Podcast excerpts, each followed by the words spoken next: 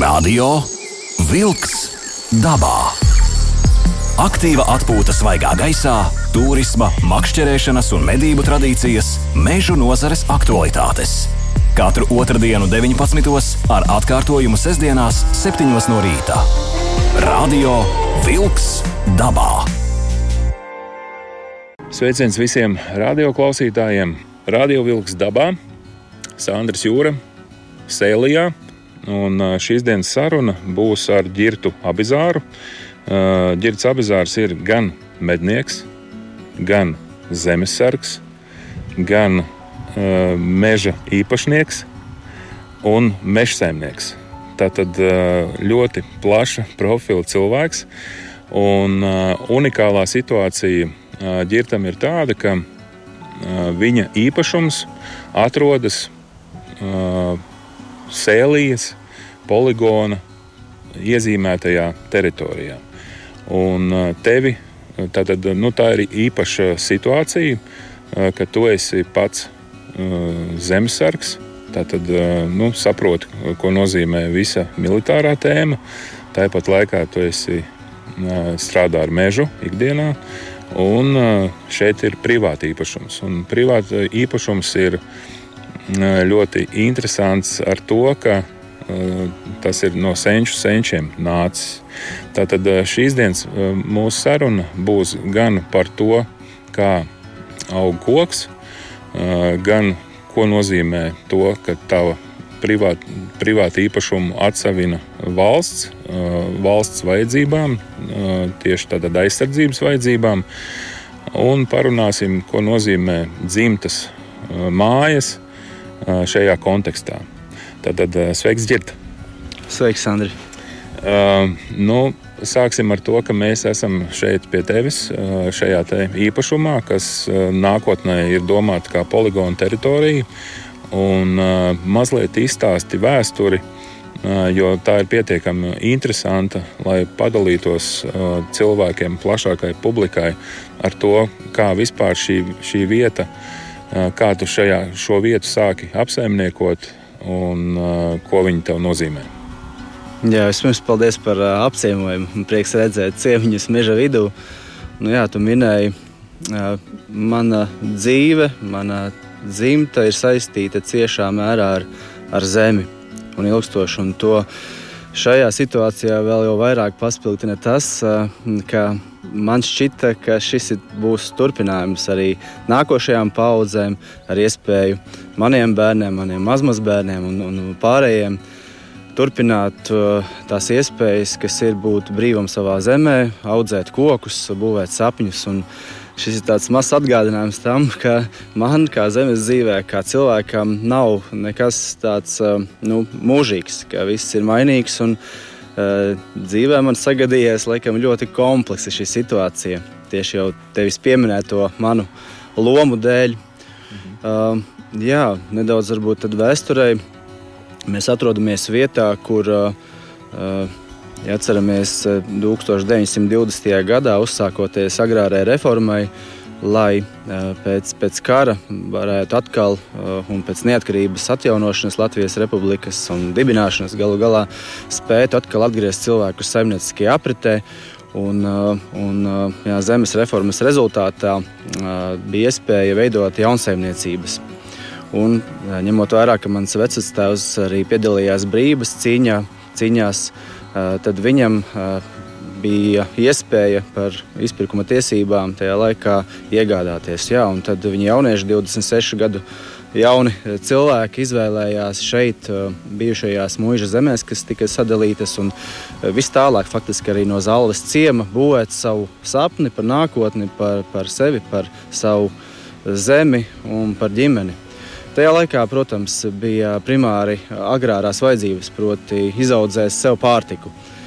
Un, um, Un, jā, un šajās mājās, šeit meža vidū, kas ir 5 km no zāles centra, kur nav ne elektrības, nekad nav bijis, kur ir tikai cilvēks un daba.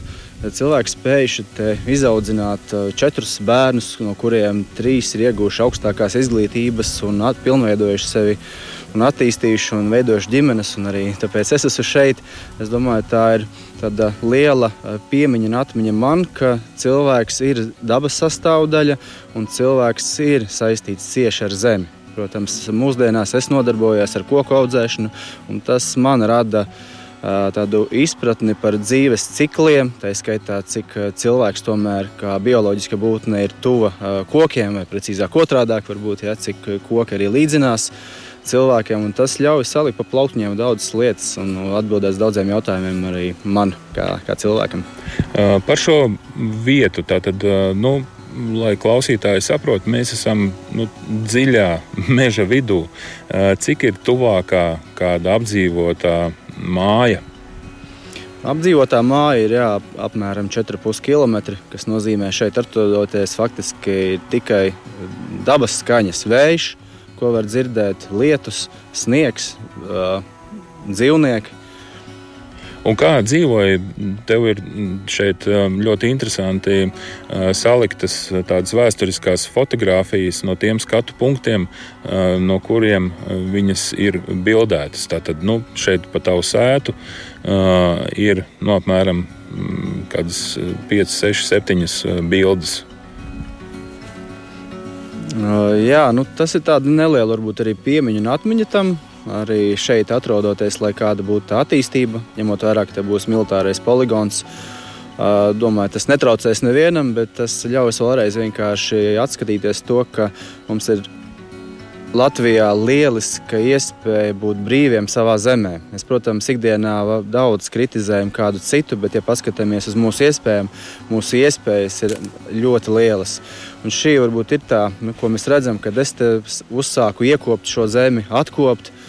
Uh, tad es raugoties, kāda ir šobrīd, uh, tad es redzu, ka viss ir iespējams un ar cilvēka darbu, ar gribu var izdarīt daudz ko. Tāpēc mūsu uzdevums ir kopt savu zemi, viņu aizsargāt tādā veidā, mācīties to darīt un, un sadarboties vienam ar otru, jo tas ir mūsu izdzīvošanas pamat akmens. Uh. Labi, tavu senči šeit sāka vecvectēvs, tātad vecāki sāka dzīvot 20. gados, iekopt šo vietu. Kā viņi attīstījās, faktiski var teikt, simts nu jau pāri gadi. Kā, kā viņi attīstījās pa gadiem, kas šeit notika padomju laikos, kas šeit atkal notika pēc 90. gadiem? Jā, jāsaka, jā, tad 22. Eh, gadā, 1922. šogad mēs simts gadi atzīmējam šim dzimtas īpašumam, kas vienlaicīgi arī mūsu dzimtas svētvieta ir eh, ar ozolu, kam ir vairāk kā 150 gadi. Jāatzīst, tajā laikā, protams, ka divi cilvēki nevar fiziski uzbūvēt māju, sevi ikdienā pāēdināt, un tajā laikā, ko minēja par sadarbību, cilvēki viens otram palīdzēja. Uzbūvēja vienu māju, dzīvojamā, uzbūvēja sākumā kūti, kur dzīvoja kopā ar, ar, ar lopiem, mājlopiem un tad pamazām uzbūvē, bet tikai sadarbojoties un viens otram palīdzot. Tas, bija, tas, tas ir jāatcerās arī šodien, ka mēs nevaram distancēties viens no otra un ir jāpalīdz, ja kādam situācija ir labāka. Bet e, jā, e, bija ļoti pamazām attīstījās, būvēja šīs, šīs palīdzīgas saimniecības, savi varēja nodrošināt, skolot bērnus. Skola gāja, bērni gāja uz skolu šeit katru dienu, turpat pakaļ 5 km no e, visu, visu savu garu sezonu. Tātad vecāki ieklausieties 5 km uz skolu vienā virzienā un 5 km atpakaļ. Jā, un tas ļauj, protams, arī tiem cilvēkiem labāk nu, būt veselīgākiem un, un, un, un dzīvot arī ilgāk galu galā un ar gaišākām domām. Un, jā, un bērni arī vasarā topot apavus ar basām kājām, staigāja pa laukiem, pļavām uz skolu. Tā nebija problēma. Tāpēc, domāju, arī tā, par to veselību arī cilvēkiem mūsdienās jāpiedomā, cik svarīgi tomēr no tā piektā stāva iestotā tuvāk zemē atgriezties un pēc iespējas vairāk. Bet kas notika kara laikā, kad 40. gads un, un padomju laiks sākās? Nu, jā, es arī arhīvos paskatījos, 41. gadā viss bija precīzi samērīts, uzskaitīts tajā laikā, ja šeit ir Šobrīd nedaudz virs, virs 20, jā, šobrīd 24 hektāri, tajā laikā 22. Tad, eh, ja šobrīd ir 100% šeit ir eh, mežs, koki aug, tad tajā laikā mežs bija 0,5 eh, hektāri. Faktiski tikai ļoti maza platība par šiem laikiem, kā 100 gadu liekas, bet te jau ir pat vairākas arī koku paudzes nomainījušās, ja tā mēs varam teikt. Un, un, jā, un kara laikā, padomu okupācijas laikā ar, ar lieliem, lieliem nodokļiem faktiski bija šī ģimene nolemta iznīcībai, vadam. Palika šajās mājās. Mana vecmāma nebija ar mieru doties nekur prom. Šā bija, šī bija viņas vispār dzimtā puse. Viņa palika ar, ar jaunākiem diviem bērniem, un vecāks ar diviem aizgāja dzīvot uz, uz, uz, uz ciematu, lai nu, vienkārši lai izdzīvotu. Mm -hmm. Un tad vecmāma stāstīja, ka ziemā faktiski bija atstāta tikai viena govs ar, ar ļoti mazu izlaukumu, un bērni dienā pārtika ar vienu piena glāzi un vienu, vienu burkānu. Tā bija Tā bija faktiski, jā, un vecam, vecam savos 15 gados ir fotografija. Viņa izskatījās kā 9-gadīgs bērns. Principā.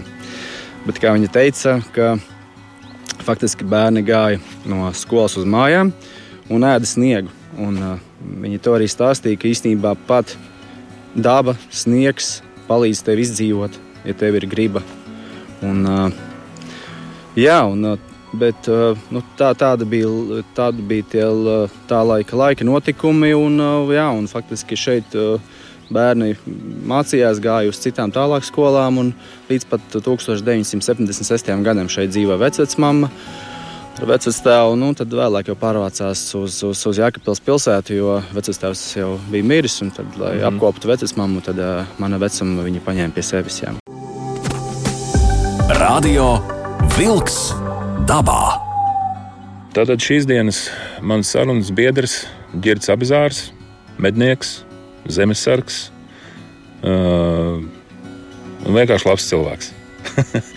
Esam pie tevis šeit, Sēlijā, uh, senču īpašumā, kur, kurš tika uh, piešķirts par nopelniem uh, teksim, nu, darbībā uh, Pirmajā pasaules karā tagad var teikt, ir trešais pasaules karš, un uh, poligons šeit tiek veidots apkārtnē, un uh, šis īpašums iznāk tev ir nu, valsts viņu uh, atsavina. Kā notiek šis process?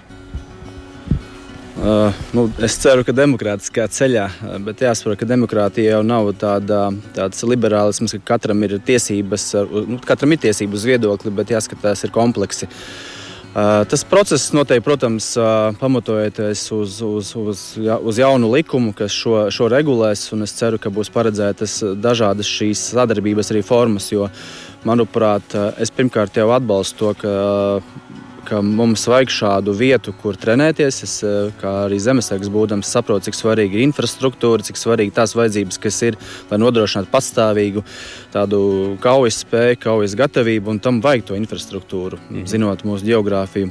Un tāpat laikā es zinu, ka šeit ir ļoti, ļoti uh, daudz un ilgstoši uh, meža saimnieki nodarbojušies ar koku audzēšanu, ar investīcijām infrastruktūrā.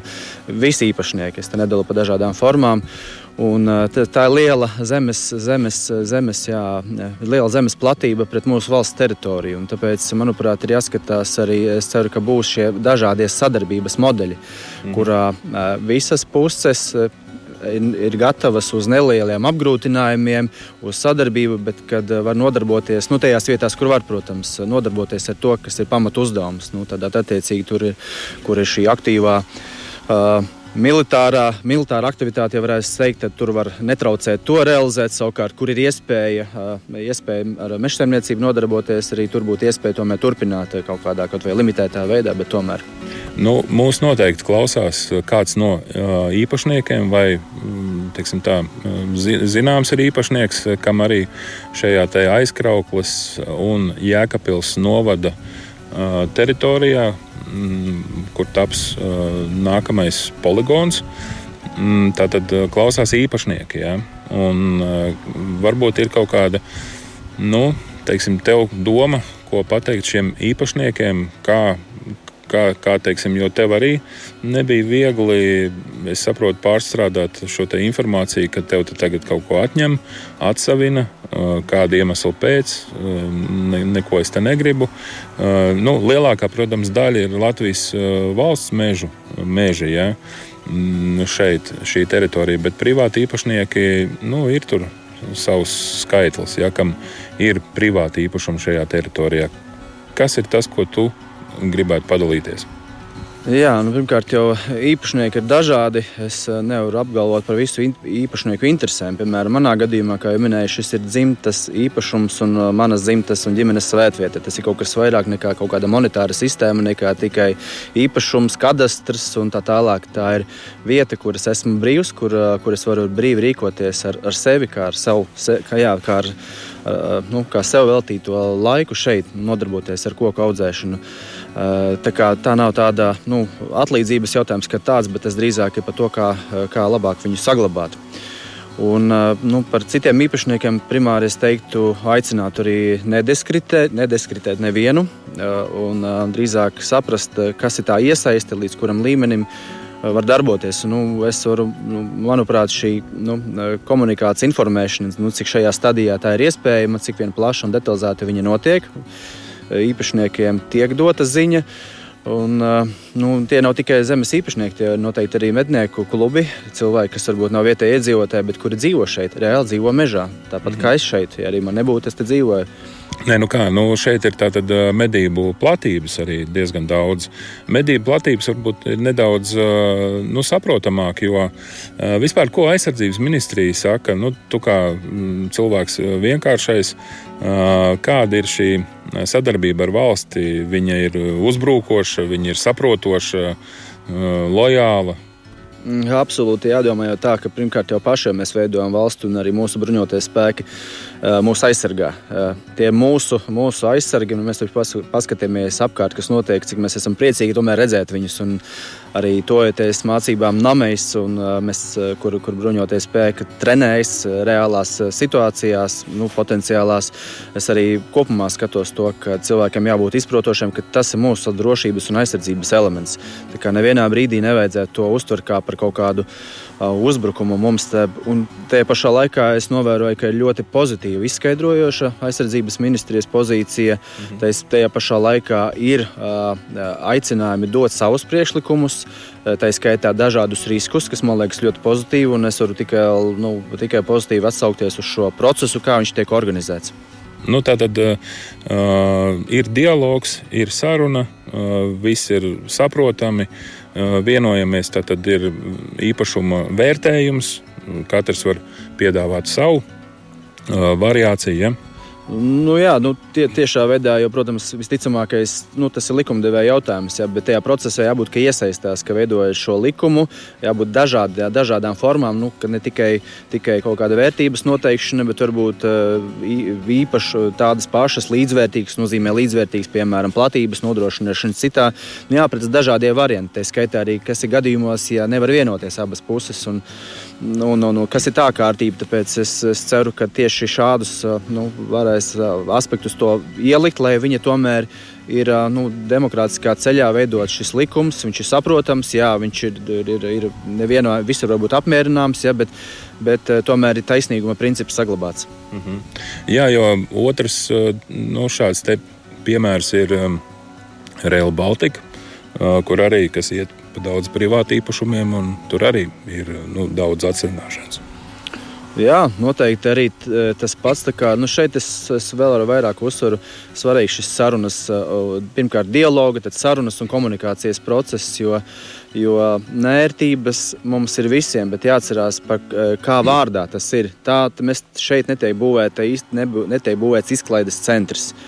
Mēs runājam par infrastruktūru, mēs gribam dzīvot labklājībā, drošā vidē. Nu, tas nozīmē, ka katram individam, ja mēs skatāmies, nāksies vai nākas saskārties ar kaut kādu zaudējumu uh, sabiedrības vārdā. Un, uh, ja manā, manā skatījumā es arī esmu gatavs atteikties, jo uh, sa, es esmu apmierināts ar dzīvi, man ir labas attiecības ar ģimeni, ar, ar draugiem, ar darba biedriem, ar cilvēkiem. Tāpēc es esmu gatavs atteikties, ja kādam tas nāk pa labu, īpaši, ja tas ir manai valstī maniem cilvēkiem. Radio Wolks dabā. Aiziet dabā! Sarunājos ar Girtu Abizāru, mednieks, meža profesionāls, varētu tā teikt. Meža, kā tu teici, meža saimnieks? Jā, meža saimnieks. Jā. Meža saimnieks, arī zemesargs, nu, vienkārši labs cilvēks.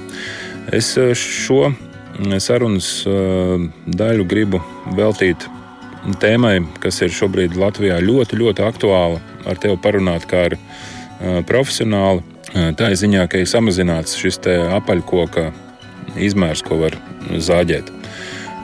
Kā tu redzi šo situāciju no savas skatu punkta, gan kā arī meža īpašnieks, un arī kā profesionāls, un mazliet pastāsti. Es zinu, ka tev ir in interesanti, interesanta pieredze, interesanti vērojumi, interesanta analītika tieši par to, kā aug koks un, un tā tālāk. Tātad šī te tematika par apaļkoka samazinājumu daudz kliedz. Mums te tagad visu Latviju izzāģēs jau tā ir izzāģēta.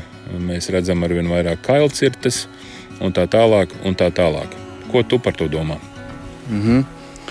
Nu, pirmkārt, jau zeme un cilvēki ir Latvijas galvenais resurss. Un, nu, izcenis jau mēs esam šeit nodarbojušies, mūsu senči, un mēs nodarbojamies, un arī mūsu nākamās paudzes nodarbosies principā ar zemkopību. Uh, kas, kas nozīmē vai nu produktu ražošanu, lauksaimniecība vai, vai mežsaimniecība. Un mežsaimniecībā, tāpat kā lauksaimniecībā, domājot par tām zemes teritorijām, kas ir saimniecībā, tautssaimniecībā izmantojamās.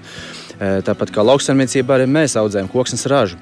Un, lai līdz tai koksnes ražai nonāktu, ir ļoti daudz jāiegulda darbs un, un nauda. Ar to domājot, ir jābūt labai Uh, nu, ūdens regulēšanas sistēmai, kur tie koki var labi augt, ir jāiestāda tie koki, ir viņi jāie, jākopja līdz brīdim, kad tu vari iegūt to pirmo ražu. Tā ir tā pirmā koksnes raža, ko ar krājas komerciālām kopšanas cirtēm mēs iegūstam, tādējādi audzējot, turpināt audzēt veselīgus kokus. Un šeit ir līdzīgs princips, ka meža saimnieka pamatu uzdevums ir rūpēties par koku veselību, kvalitāti, lai viņu dzīvības procesi, lai viņu vielmaiņa ir aktīva. Jo mēs paši zinām pēc sevis, ja mēs jūtamies slikti, mēs, mēs slimojam, mēs, mēs esam jā, uzņēmīgi par dažām slimībām, un arī mūsu varbūt, dzīves ilgums samazinās. Es zinu, tev ir eh, tāds ļoti interesants, bet ļoti eh, svarīgs salīdzinājums. Eh, koka dzīves cikls un cilvēka dzīves cikls. Pastāst par šo.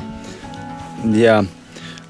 Es varētu salīdzināt ar jauniešiem, pat cik es jau minēju, jau, jau norādīju, jā, ka mana dzīve ir saistīta ar, ar zemi, ar, ar koku audzēšanu, profesionālā darbība, intereses. Es vienkārši ļoti, ļoti interesējos par šo jomu. Un, um, un, ja, piemēram, ņemsim tādu koku sugu kā egle, tad egle ļoti strauji, viņa kop, viņu, ja viņu kopja, viņa ļoti strauji sāk pieaugt un briest nu, pēc 17 gadu vecuma. Un tas, um, tas īstenībā nedaudz saskana ar, ar mūsu tādu, un varbūt plus mīnus gadi ar jauniešiem, kad jauniešiem arī vajag dzīves telpu, lai, eh, lai nu, nobro, nobriestu nākošajai fāzē, lai tu no, no bērna par jaunieti, no jaunieti par pieaugušo, un tev vajag šo dzīves telpu, kurā tu kaut ko iemācies. Un te ir tā sadarbība starp cilvēku, cilvēks kopjot un ļaujot paplašinot šos dzīves telpu, ko mēs nozīm, nozīmē nozāģējot traucējošos kokus, jā, pārtraucam tur dzīves procesu, iegūstam kokas, koksnes ražu, bet pārējie aug.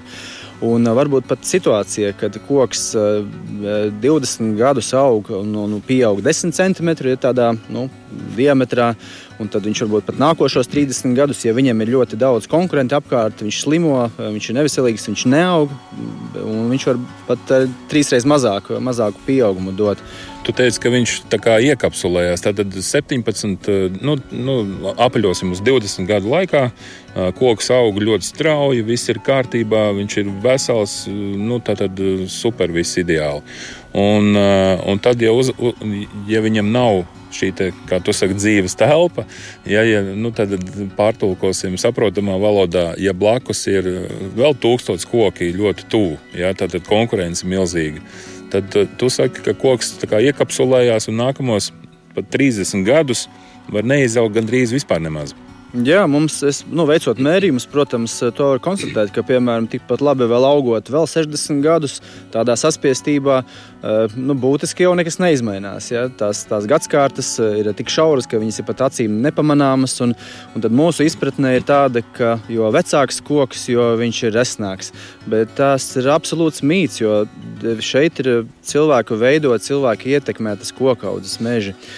Uh, tāpēc uh, svarīgi ir saprast uh, koku bioloģiju. Jā, patiesi šie lielākā, veselīgākais dzīves periods ir līdz kādiem nu, 30 gadiem, 35. Nu, un tas, protams, koks turpina augt, bet viņa šis dzīves templis, templis samazinās, jo arī viņam ir ierobežots dzīves laiks. Arī viņu kādreiz, kas ir lielākais risks, piemēram, audzēšanā, vējš izgāzīs, un tad beigsies šie dzīves procesi. Tā kā, nu, ja mēs, mēs tagad paskatītos uz šo caurmēru tavu pieminēto, tad vienkārši kopjot mežus, mēs šo caur, caurmērs tiek sasniegts daudz ātrāk. Bet tas nenozīmē, ka, ka, nu, ka mainās kaut kāda nu, meža ekosistēma, jo mēs arī šeit redzam, šeit ir labi koptas, un te ir ļoti daudz dažādu sugu augi. Ja, tā kā nu, tāda nu, daudzveidība nosauc ir. varbūt. Nu, nu, piemēram, te ir dažādas, te ir sievpapardi, piemēram, te ir krūkļi, te ir uh, Uh, redzu arī ērgļu papardi, te ir uh, dažā, dažādas uh, sūnas un ķērpi. Tā kā, nu, no tādas, tādā viedokļa, ja te būtu liels saspiestības, ticamākais te būtu pamat no organiskās vielas veidotājs, pati kokaudze egle. Ja, un pārējais te būtu tikai dažas sūnas. Kā, nu, saules gaisma, saules radiācija, kas nonāk līdz Zemē, ir kritiski svarīga arī kopumā, kā veidosies. Un, ja mēs paskatāmies pagātnē, tad uh, 1900.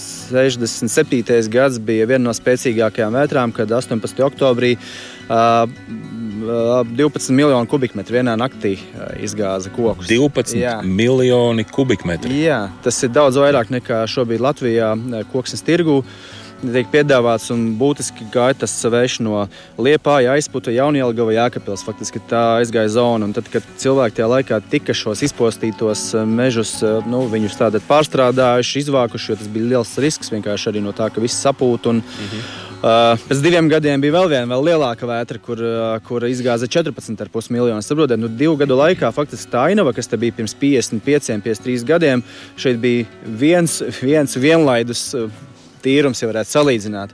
Un mēs šodien skatāmies un pieminam dažus, dažus tādus vārdus, ko mēs varbūt pārkopējam, nezinot ne vēsturi, nezinot ne to, ko uh, mežsaimnieki dara, tad mums rodas uh, cits priekšstats.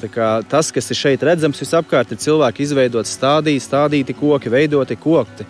Es uzskatu, ka mežsaimniecība Latvijā ir, ir ļoti pārdomāta un ilgspējīga. -hmm. Un, uh ja mēs tā skatāmies, nu, cilvēks parastais eh, brauc, ejam tādā dabā un skatāmies, eh, tur kailcirta, tur kailcirta, tur kailcirta. Ko tu vari vispār teikt par mežsaimniecības uh, pamatprincipu, mm, teiksim, saimniekot ar kailcirtēm? Jo agrāk, agrāk mēģināja lasīt pa kociņam ārā, uh, mēģināja, nu, teiksim, kā viņi saucās, iz, izvēle, izvēles tipa variantu. Bet tagad es skatos, ir kailsirds un kailsirds kaut kādi daži koki paliek tikai. Mm, nu, jā, ko var teikt, piemēram, piemēram 80, 80. gados uh, eksperimentēja. Pat eksperimentē ar tādām metodēm, kāda Sibīrijā pielietojas uh, desmitiem, simtiem hektāru uh, cirta vienlaidus nost. Uh, Mhm. Tad konstatēja, ka ir pārāk lielas, tad, tādas ļoti lielas platības ir sarežģīti menedžēt gan no koksnes plūsmas, gan pēc tam no meža atjaunošanas un pārējām lietām. Tad, tad jāskatās, kas ir tās bioloģijas. Faktiski cilvēks jau imitē dabas procesus. Ja mēs paskatāmies uz šīm eglēm, tad nu, viņas ir viena vecuma, to, ko mēs redzam. Tad, tad ir cilvēks stādījis vai arī priedē, mēs redzam, ka viena vecuma. Tas nozīmē, ka cilvēks ir pārveidojis šo ainavu. Uh, nu, egle dabiskā veidā nomainās no mātes paudzes uz nākošām paudzēm no apmēram 200-250 gadu laikā. Tas, ko cilvēks ir iemācījies izdarīt, dzīvot un kopjot zemi, viņš to var izdarīt daudz īsākā periodā. Bet rezultāts jau ir kaut kas līdzīgs. Protams, tās struktūras var atšķirties, bet arī veidojot šīs atjaunošanas cirtes, kas ir tā skaitā kailcirtes, mēs jau ļoti daudz arī saglabājam šīs uh, ekoloģisko koku grupas, dažādas neskartas, uh, mitrākas ieplakas, skudru pūžņus ļoti daudzus elementus, kas īstenībā dabā pastāv, un tikai uz kaut kādu attīstības fāzi e, ir, ir cirtums, kurā faktiski pēc pāris gadiem ir jauna, jauna audze kokauts. Tas, tas tā ir vienkārši daļa no fāzes. Tad kailcirti ir labi vai slikti? Nu, es jau minēju, kas bija 90, 70, 67, 69. bija tādi paši procesi, tikai nevis cilvēks vienlaicīgi to izdarīja, e, bet to izdarīja vējš. Kā, nu, tad jāpajautā vējam, labi vai slikti. Radio Wolks dabā. Radio Wolks dabā, Sandrs Jūra, Sēlijā. Un kopā ar Girtu Abizāru šeit sēžam mēs uh, topošā sēlijas poligona nu, tā, teritorijā, topošajā. Un Girts Abizārs šeit saimnieko savā dzimtas īpašumā.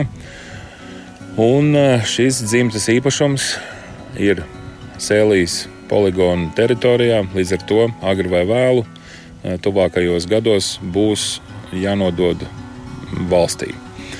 Un ģirts, ģirts ir arī zemesargs, līdz ar to ļoti labi teiksim, saprot šo motīvu, kāpēc, kas ko kā.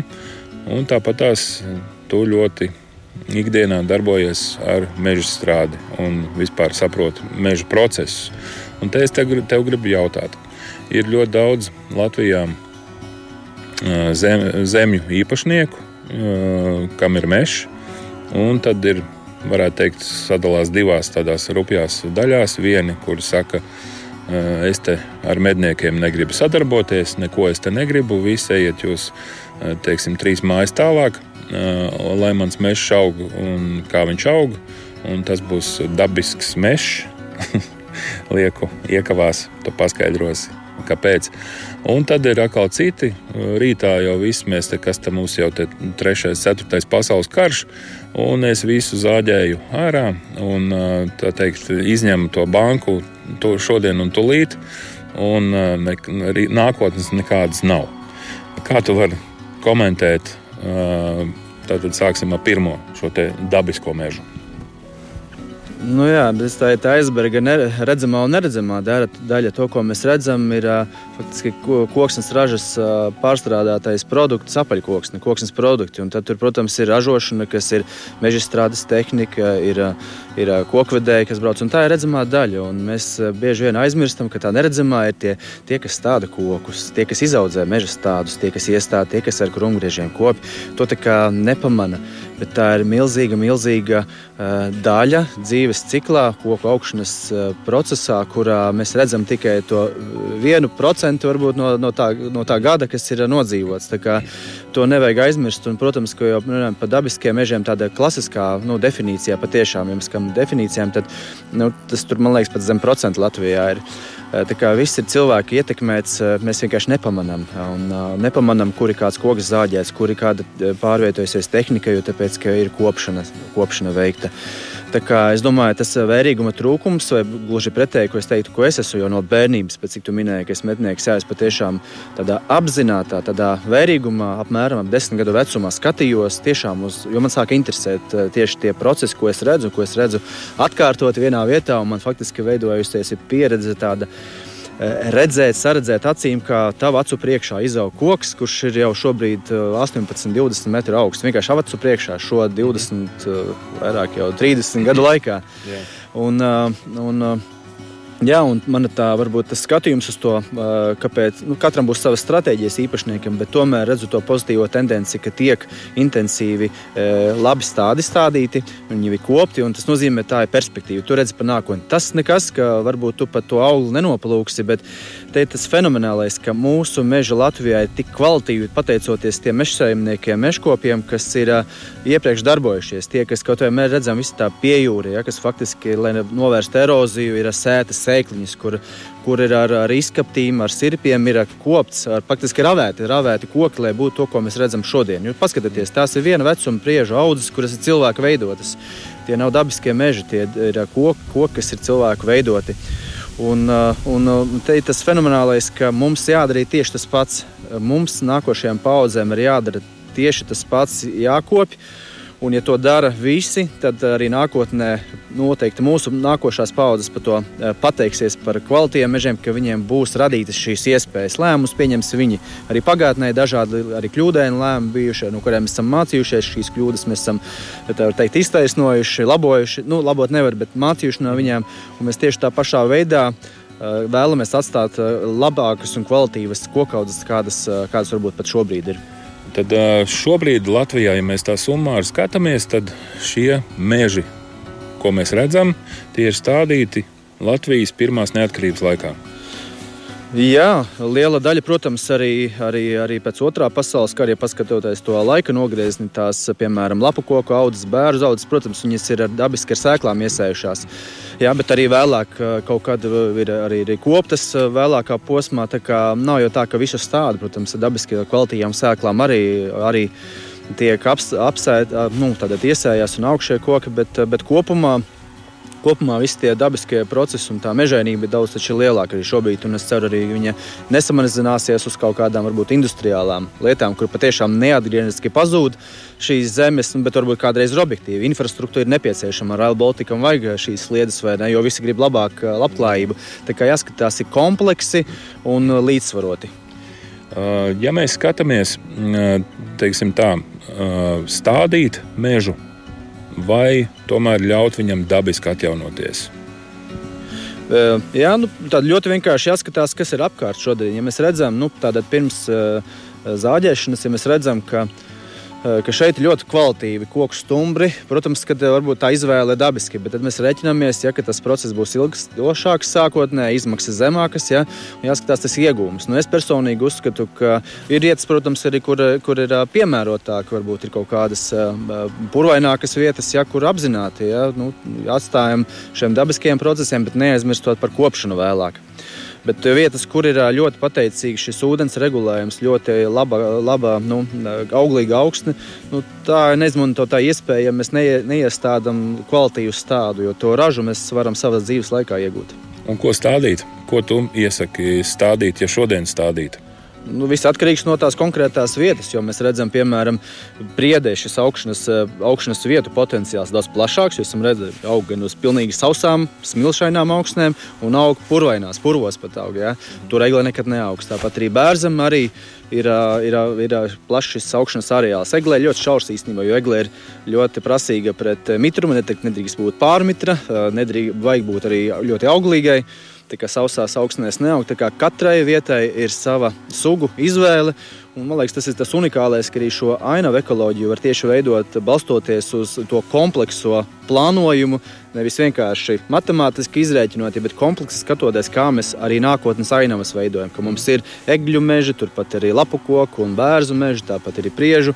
Un, nu, tā mūsu reliefs hidroloģija jau, jau arī norāda uz to, ka īstenībā, lai ko tu darītu, viņa tur nevar iet arī dab, dabiskiem procesiem pretī. Ja? Tu vari tikai nedaudz pielāgot un iejaukties, ja? bet, bet tā ainava, es domāju, nu, vismaz apkārt man skatoties, ir, man liekas, ir nu, ļoti pievilcīga. Tu kā mednieks ļoti labi vēro un novēro mežā, meža postījumus, zvēru postījumus. Ko tu par šo vari teikt? Daudz, maz un kā ar to cīnīties? Nu, kā kurā vietā, protams. Ka...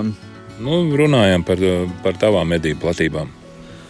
Jā, bojājumi pastāv. Un, jā, šī tā arī neredzamā daļa, ko īpašnieki, mežsaimnieki dara, arī, arī apstrādā galotnes, apstrādā stumbrus, jā, lai, lai mazāk tos dzīvnieku bojātu. Bet skaidrs tas, ka tādā ziemas periodā šie bojājumi pastiprinās. Nu, un, uh, nu, ar viņiem tas ir tas risks, ar to nākas rēķināties. Un, protams, tos bojājumus jau meža dzīvnieki pārneģi jau veicina. Tā kā, nu, tās, tās teritorijas, kur jāizvēlās vai nu audzēt dzīvniekus vai kokus, nu, tā ir tā, dilemma vai arī risks, par ko tu esi gatavs maksāt. Nu, cik mēs eh, rēķinām procentus? Nu, pieņemsim, 100% ja stādām.